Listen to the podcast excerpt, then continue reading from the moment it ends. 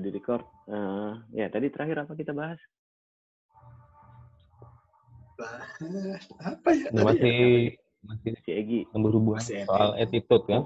Masalah ini, masalah kalau di lapangan, eh, apa, Ya. lagi suasananya banyak pressure dan lain-lain. Eh, gue punya pertanyaan buat buat kalian. Bentar ya, lihat contekan dulu. kan gini kalau eh, bukan kalian aja sih termasuk gue. Kan eh, dalam proses melatih dari tahun pertama kedua dan seterusnya kan pasti apa ya istilahnya kalau misalnya sekarang kita punya pemahaman oh gue harus bersikap kayak gini gue nggak boleh kayak gini gue harus kayak gini baik ke anak-anak atau ke pengurus atau ke teman pelatih yang lain misalnya. Itu kan pasti kan nggak langsung dari tahun pertama menyadari hal itu kan Ya ada prosesnya. Nah, Hmm. sekarang gini, gue punya pertanyaan. Eh, kalau buat kalian sendiri, ini gue di notes gue catatannya tulisannya gini, attitude attitude apa yang kalian sendiri pernah kayak ngerasa ke diri sendiri, aduh kok gue dulu bisa kayak gitu ya?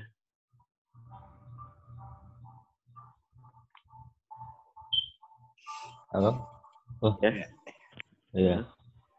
Nah, Apa gitu? Ngerti kan pertanyaannya maksudnya? Iya ngerti. Iya misalnya sekarang mikir lagi, anjir kok gue dulu kayak gitu gitu. Apa tuh? Misalnya tahun pertama, tahun kedua mulai ngajar. Apa tuh boleh disebutkan nggak kayak gimana?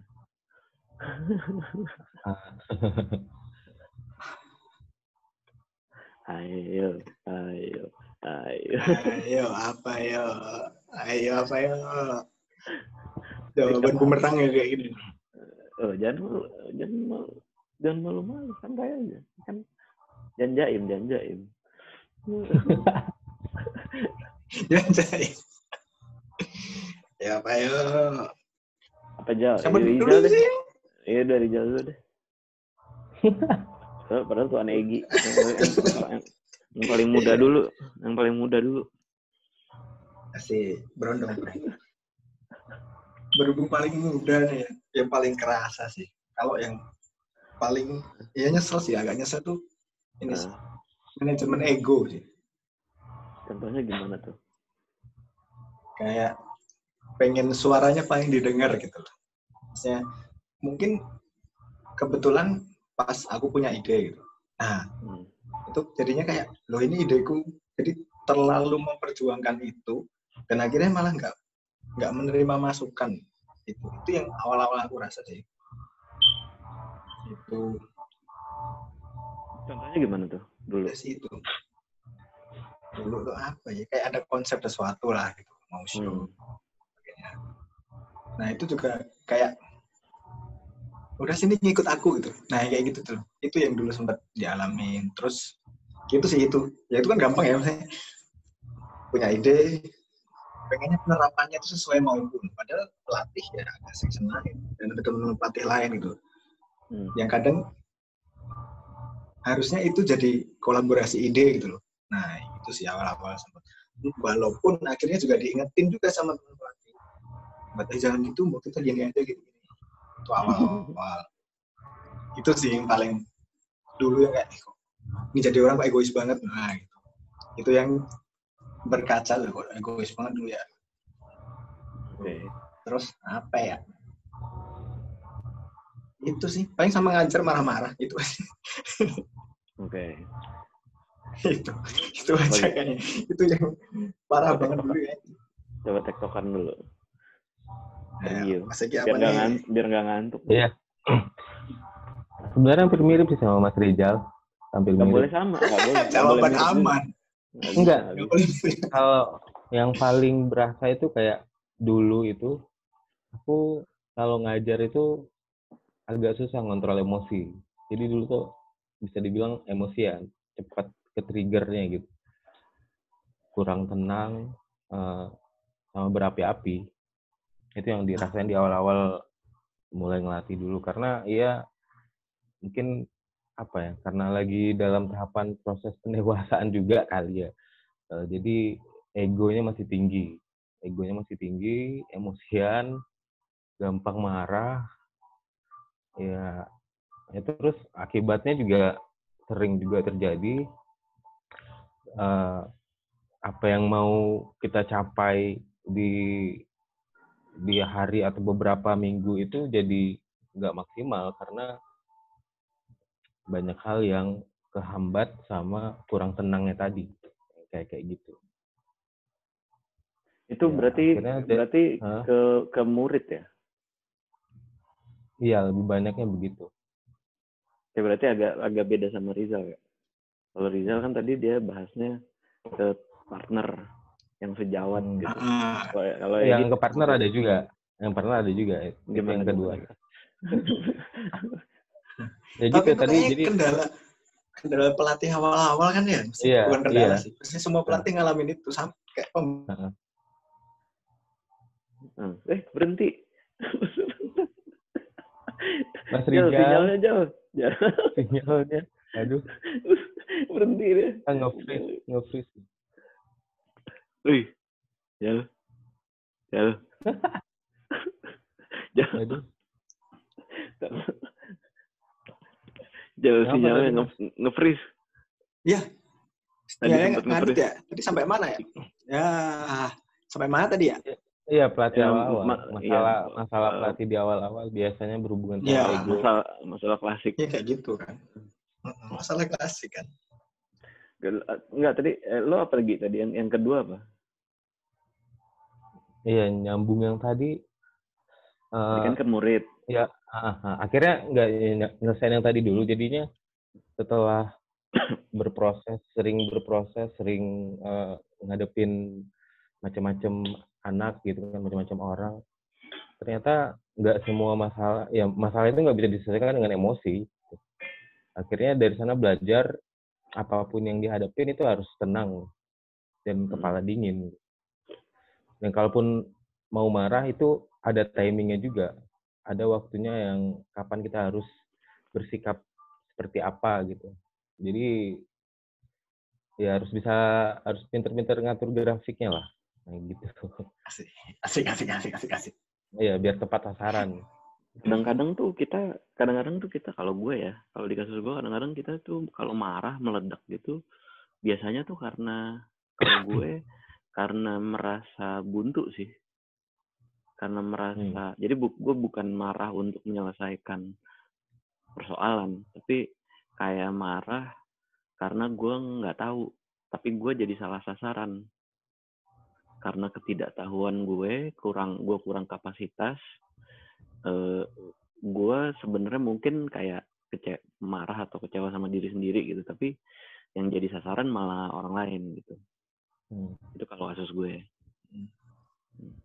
lanjut lanjut Iya, terus yang kedua, yang kalau yang pertama tadi kan berhubungan sama anak-anak di lapangan. Nah, yang ini berhubungan sama rekan rekan pelatih, ya rekan pelatih.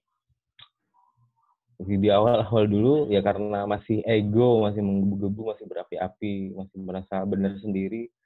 Aku tuh dulu termasuk orang yang anti kritik. Itu di hmm. di awal-awal perjalanan susah banget kalau misalnya aku udah ngelakuin ini tapi uh, buat buat teman pelatihan melihatnya itu masih belum cukup hmm. aku ngerasa nggak nggak nggak terima gitu itu lebih ke metode gitu. yang biasanya yang dikritik apa ya macam-macam sih kayak metode terus uh, hasilnya juga mungkin gitu hmm. Hmm. ya tapi setelah setelah beberapa perjalanan waktu coba di didiemin lagi dipikirin lagi. Oh ternyata ada benernya juga. Ternyata kritik yang diberikan buat kita itu buat ngebentuk kita juga biar bisa lebih baik lagi gitu. Karena mungkin kadang di saat kita ngerjain sesuatu yang dalam pandangan kita itu udah cukup tapi di saat orang lain melihat ada sudut pandang lain yang mungkin belum kelihatan sama kita Nah itu yang coba itu, dikasih tahu kita. Itu itu apa yang bikin lo menyadari itu? Maksudnya dari yang tadi lo bilang uh, kayak susah untuk menerima kritikan, terus tiba-tiba oh mungkin uh, orang lain ya pokoknya ada kesadaran bahwa mungkin hmm. dengan ada kritik dari orang lain uh, pandangan lo jadi lebih luas gitu nah itu apa hmm. yang yang yang triggernya apa macam-macam sih ya ya, ya pada umumnya ya, apa pada umumnya uh, aku sebenarnya suka mikir lagi uh, kayak misal ada kejadian atau ada sesuatu yang dilewatin di rumah atau beberapa waktu setelah kejadian itu aku mikir lagi kok kok bisa dia ngomong kayak gitu sama aku? Hmm, kira-kira apa yang salah? Terus coba aku telusuri lagi coba dicocok-cocokin lagi. Oh ternyata ada benernya juga. Terus yang apa yang paling yang paling kelihatan sih sama itu sih sama hasilnya sih. Kadang hmm. dulu pernah uh, nge apa bawa bawa bawa band ikut lomba terus hasilnya kurang baik. Ya di sana evaluasi diri sih hmm. dari dari prosesnya gitu ya dari proses ya termasuk salah satunya masukan dari teman-teman gitu itu juga sih ya akhirnya di masa depan diperbaiki Berarti memang ada ada ada proses di mana lo apa istilahnya berkaca dan bermuhasabah. Ya lah bermuhasabah. Iya. dan dan dan dan ada satu dan ada satu kejadian juga yang memicu yang apa kayak memaksa lo untuk uh, kayak berkaca lagi ber, melihat ke belakang lagi apa sih yang kemarin yeah. salah gitu uh, yeah. yang terkait tadi hasilnya gitu kan. Hasilnya nggak ya, itu nggak uh, cuman apa sih nggak cuman uh, maksudnya nggak cuman berhubungan sama orang lain sih. Aku juga coba introspeksi diri secara pribadi sih maksudnya selain dari masukan orang juga mikir sendiri sih kira-kira apa yang masih kurang apa yang masih belum dilakuin apa yang kemarin salah yang dilakuin gitu-gitu sih pokoknya tiap tiap habis event tiap habis lomba atau tiap habis apa pun yang berhubungan sama uh, sesuatu yang menuntut hasil, aku pasti berusaha buat coba evaluasi diri sendiri. Itu aja sih. Biar bisa lebih baik ke depannya. Gitu. Oke. Mas Rizal?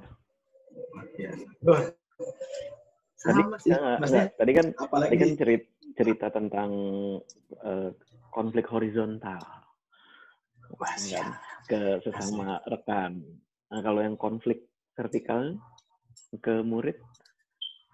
Kalau ke murid, gimana ya? Kalau ke murid tuh, nah kalau aku misalnya, kalau dulu sih dan juga sekarang juga, nggak terlalu sulit buat merubah merubah diri dari pelatih ke jadi temen gitu. Jadi misalnya pas sejamnya latihan, itu jam jadi pelatih. Terus ya. selesai latihan ya kita jadi temen. Aku nggak kesulitan sama itu sih. Jadi dan anak-anak juga merasakan itu. Jadi malah statement itu juga muncul dari anak-anak gitu. Dan aku pas ngelatih marah-marah, gini gini gini gini gini. Selesai latihan, ya udah kita makan bareng biasa dan keadaannya normal gitu. Nah, anak-anak yang justru menyadari itu yang pertama kali. Kalau aku nggak kesulitan sama transisi itu loh, peran dari pelatih ke temen itu nggak kesulitan. Cuman yang memang sering kerasa ya horizontal itu dulu.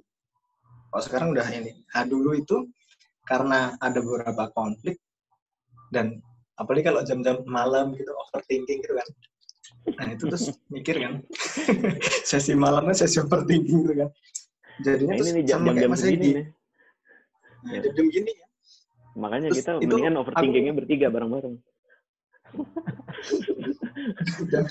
jam overthinking itu kan nah itu iya.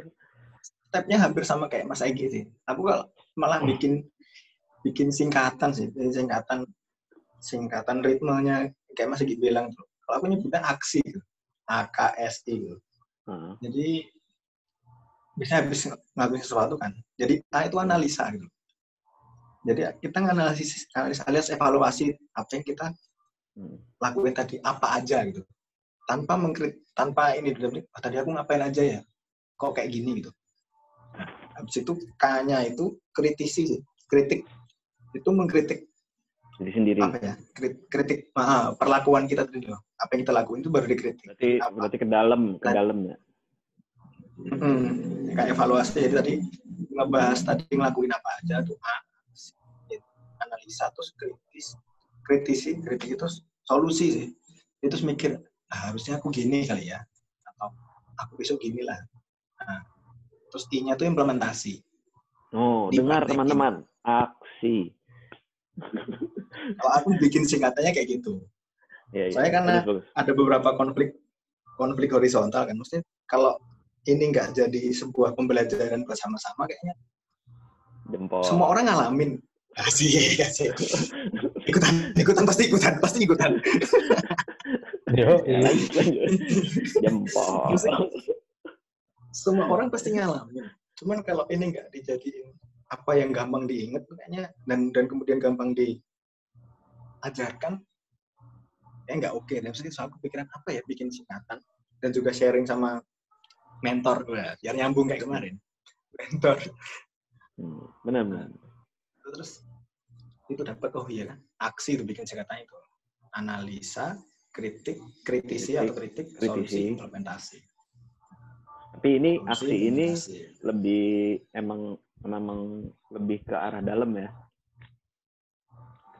Ke, Ke diri, ke diri dan- kita sendiri. ke dalam dan ke lingkungan sih. Maksudnya itu kan lingkungan Jadi, juga ya itu iya pasti uh, itu metodenya kan urutannya mau ngapain aja gitu. Nah itu tinggal misalnya tentang hasil ngajar gitu misalnya. Event ya misalnya tadi Mas Egi Ya kan kita nganalisa eh, kita ikut event apa sih ini? Terus komposisi kita berapa? Terus kita ngapain aja tadi?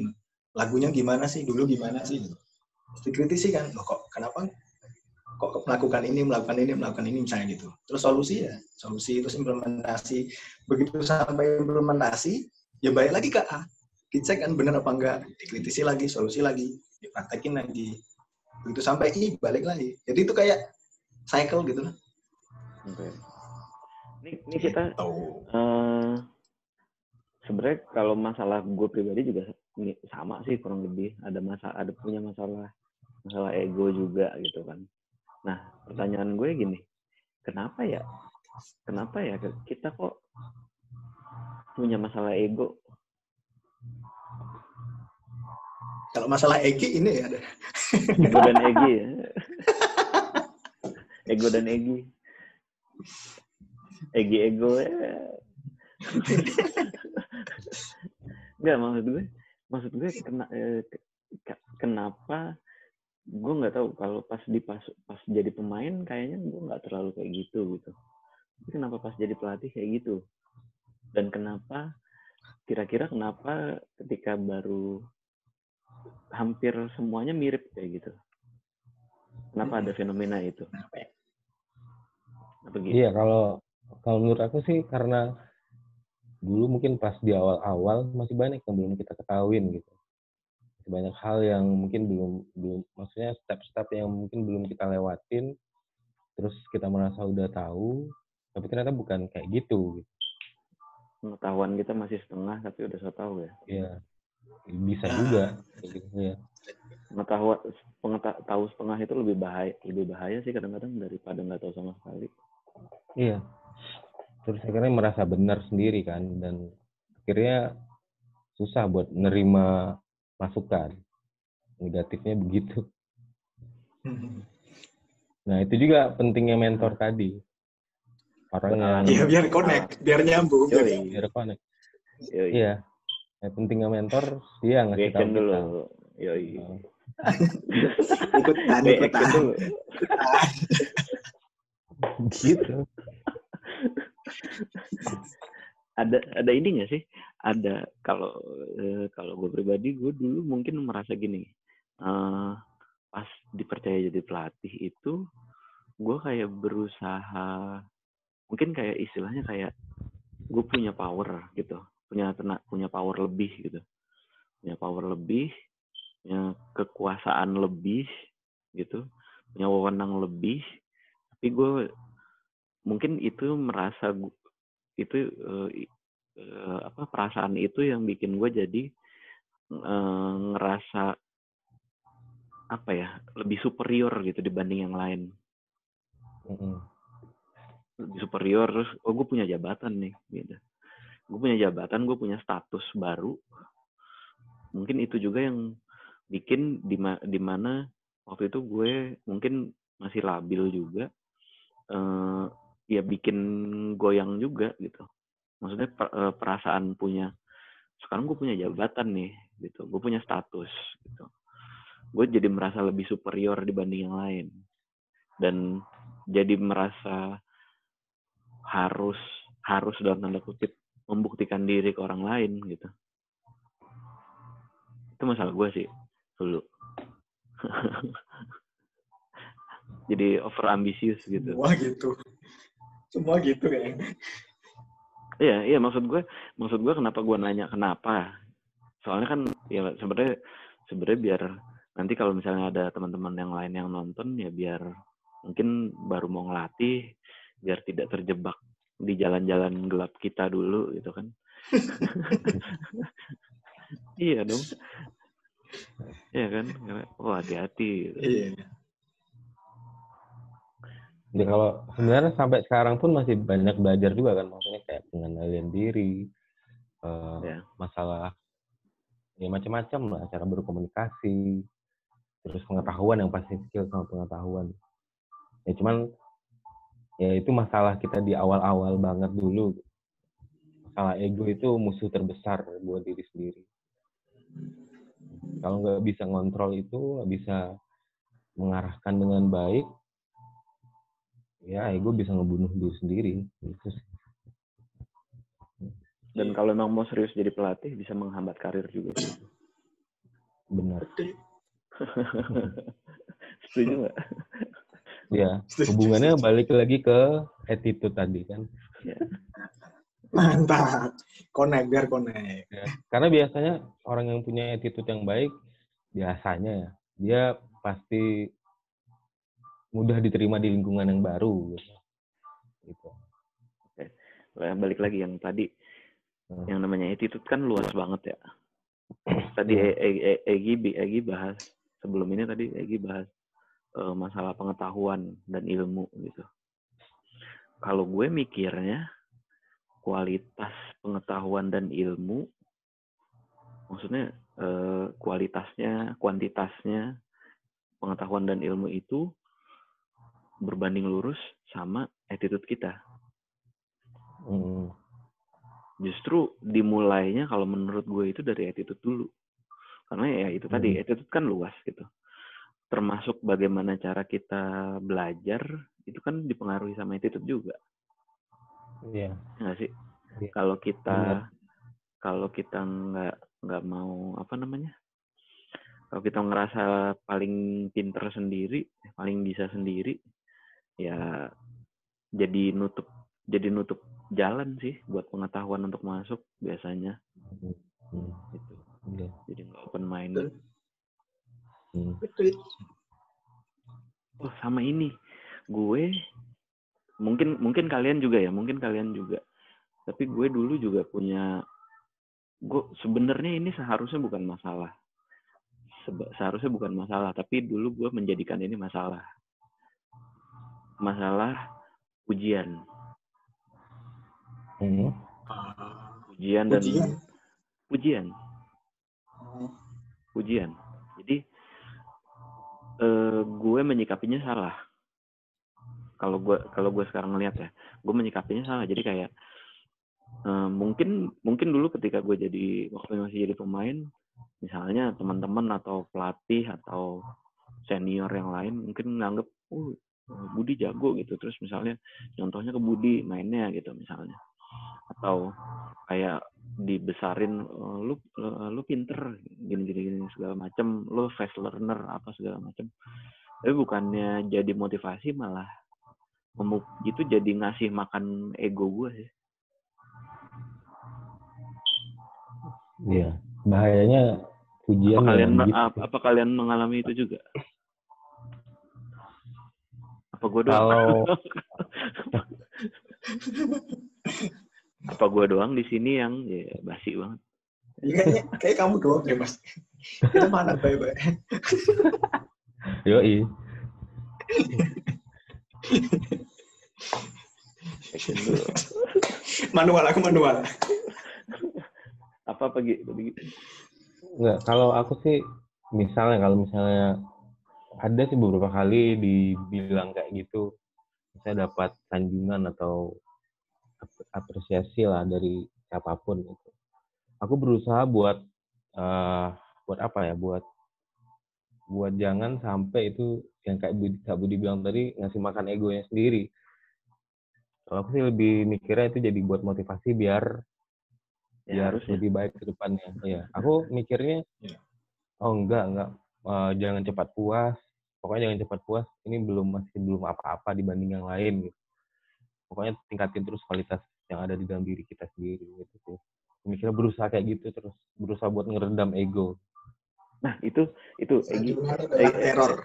Egi Egi bilangnya jangan cepat puas gitu. Berarti kan mengingatkan ke diri sendiri. Iya. Kalau gue dulu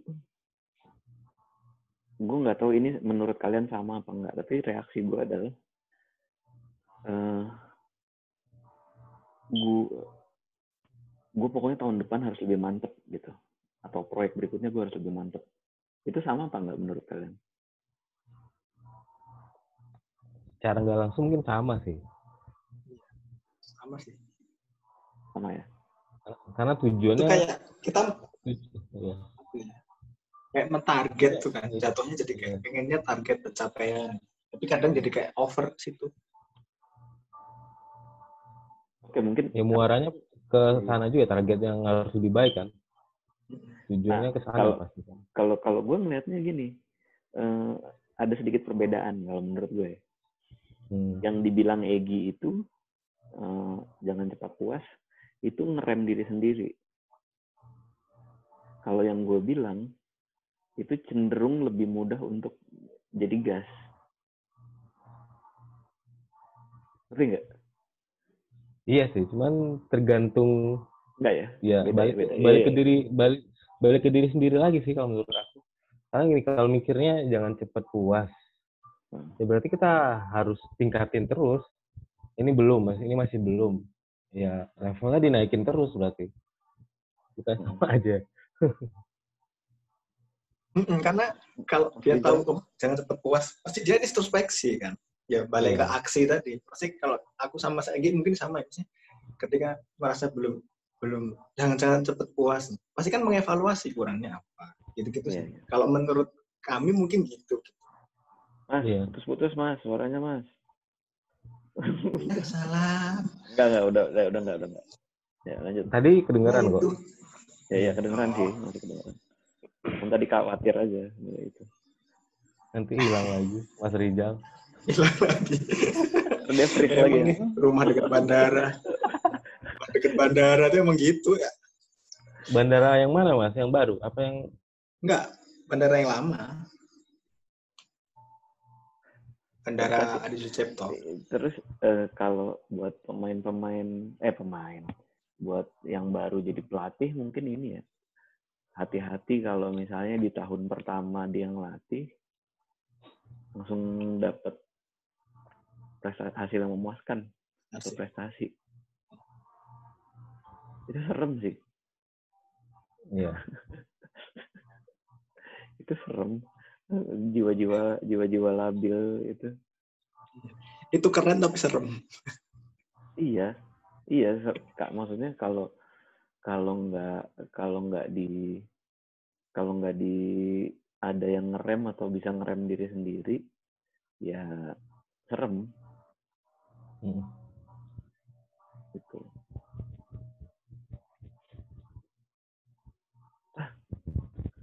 this meeting will end 10 menit lagi sialan Buset, 10 menit. Ada terus. cepet ya 40 menit ya Kalau dibablasin nggak mati sendiri, Bu. nggak tahu sih mati kayaknya tapi eh si Egi nge-freeze Nah, kan gantian kan.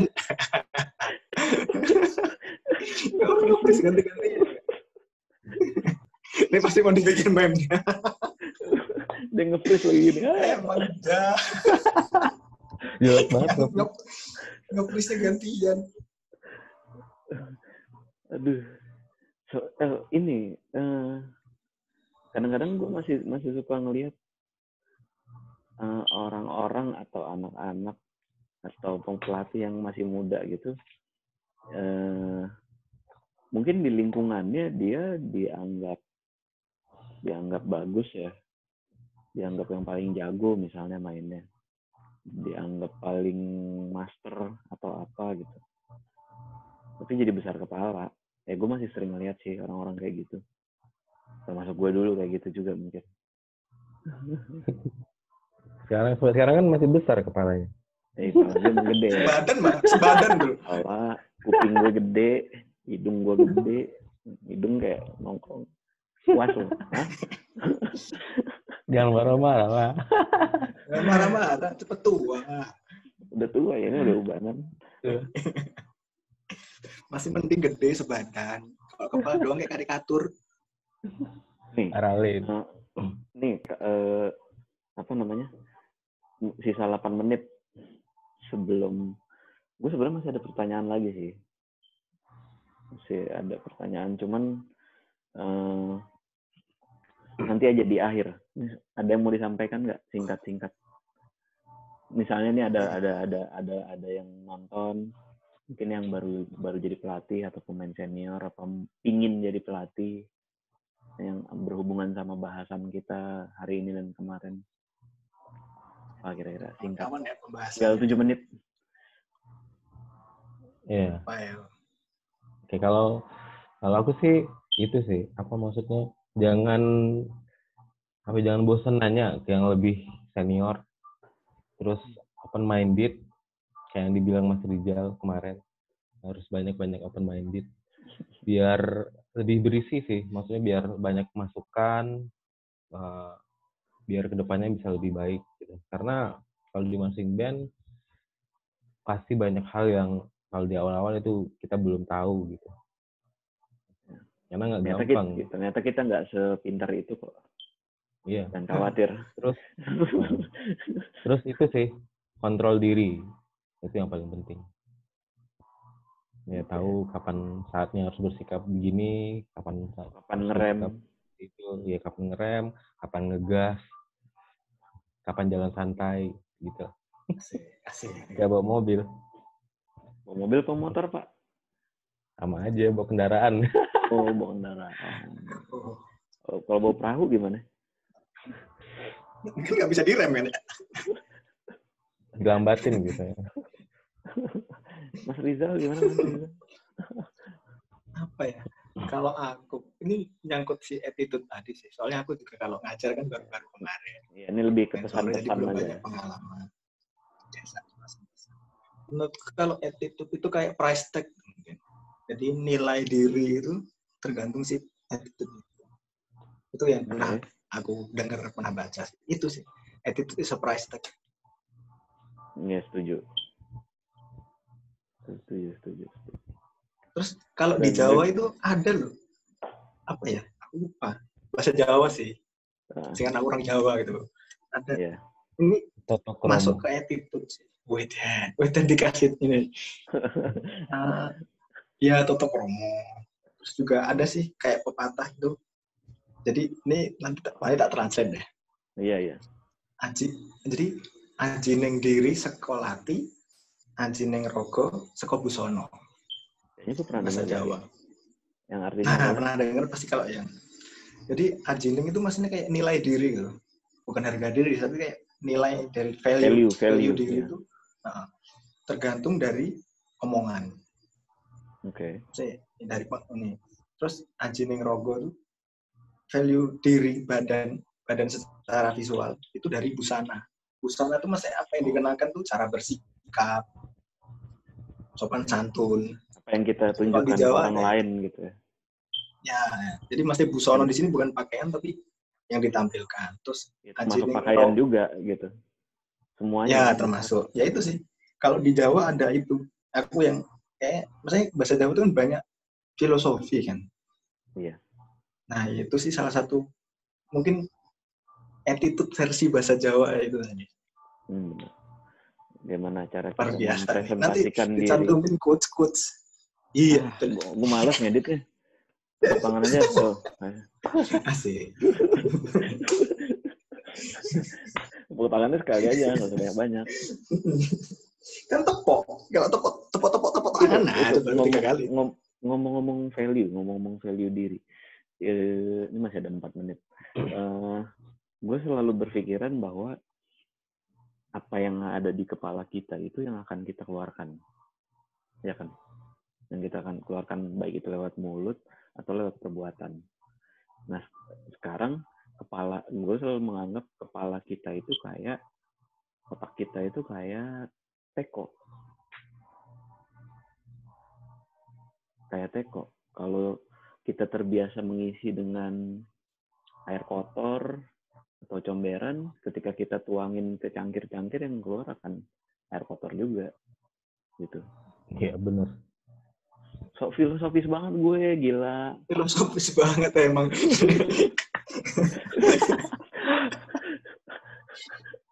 Iya, iya, iya benar. Tapi gitu. Jadi makanya eh, kayaknya kita kita semua tuh harus selalu aware apa yang apa yang ada eh, apa yang ada di dalam diri kita gitu, supaya kita bisa supaya orang yang menangkap apa yang kita kasih itu juga bisa mempersep mem- mempersepsikan diri kita secara positif gitu. Hmm. Kan nanti kan ber- berkaitan sama karir juga kan. Maksudnya kalau kita ngomongin tentang kepelatihan, kalau persepsinya positif, eh, pasti orang juga akan seneng ada di dekat dia gitu. Hmm. Jadi sebenarnya ini tinggal dua menit gue bacain aja ya pertanyaan yang gue catat. Tapi mungkin kurang lebih jawabannya sama sih kayak ka- kalian udah tahu sih jawabannya. gue berandai-andai mana lagi remote lagi. Oh nih nih gini. Kita berandai-andai. Berandai-andai kalau kalian bisa naik mesin waktu dan ketemu diri kalian pas tahun pertama ngelatih. Kalian pengen bilang apa ke dia?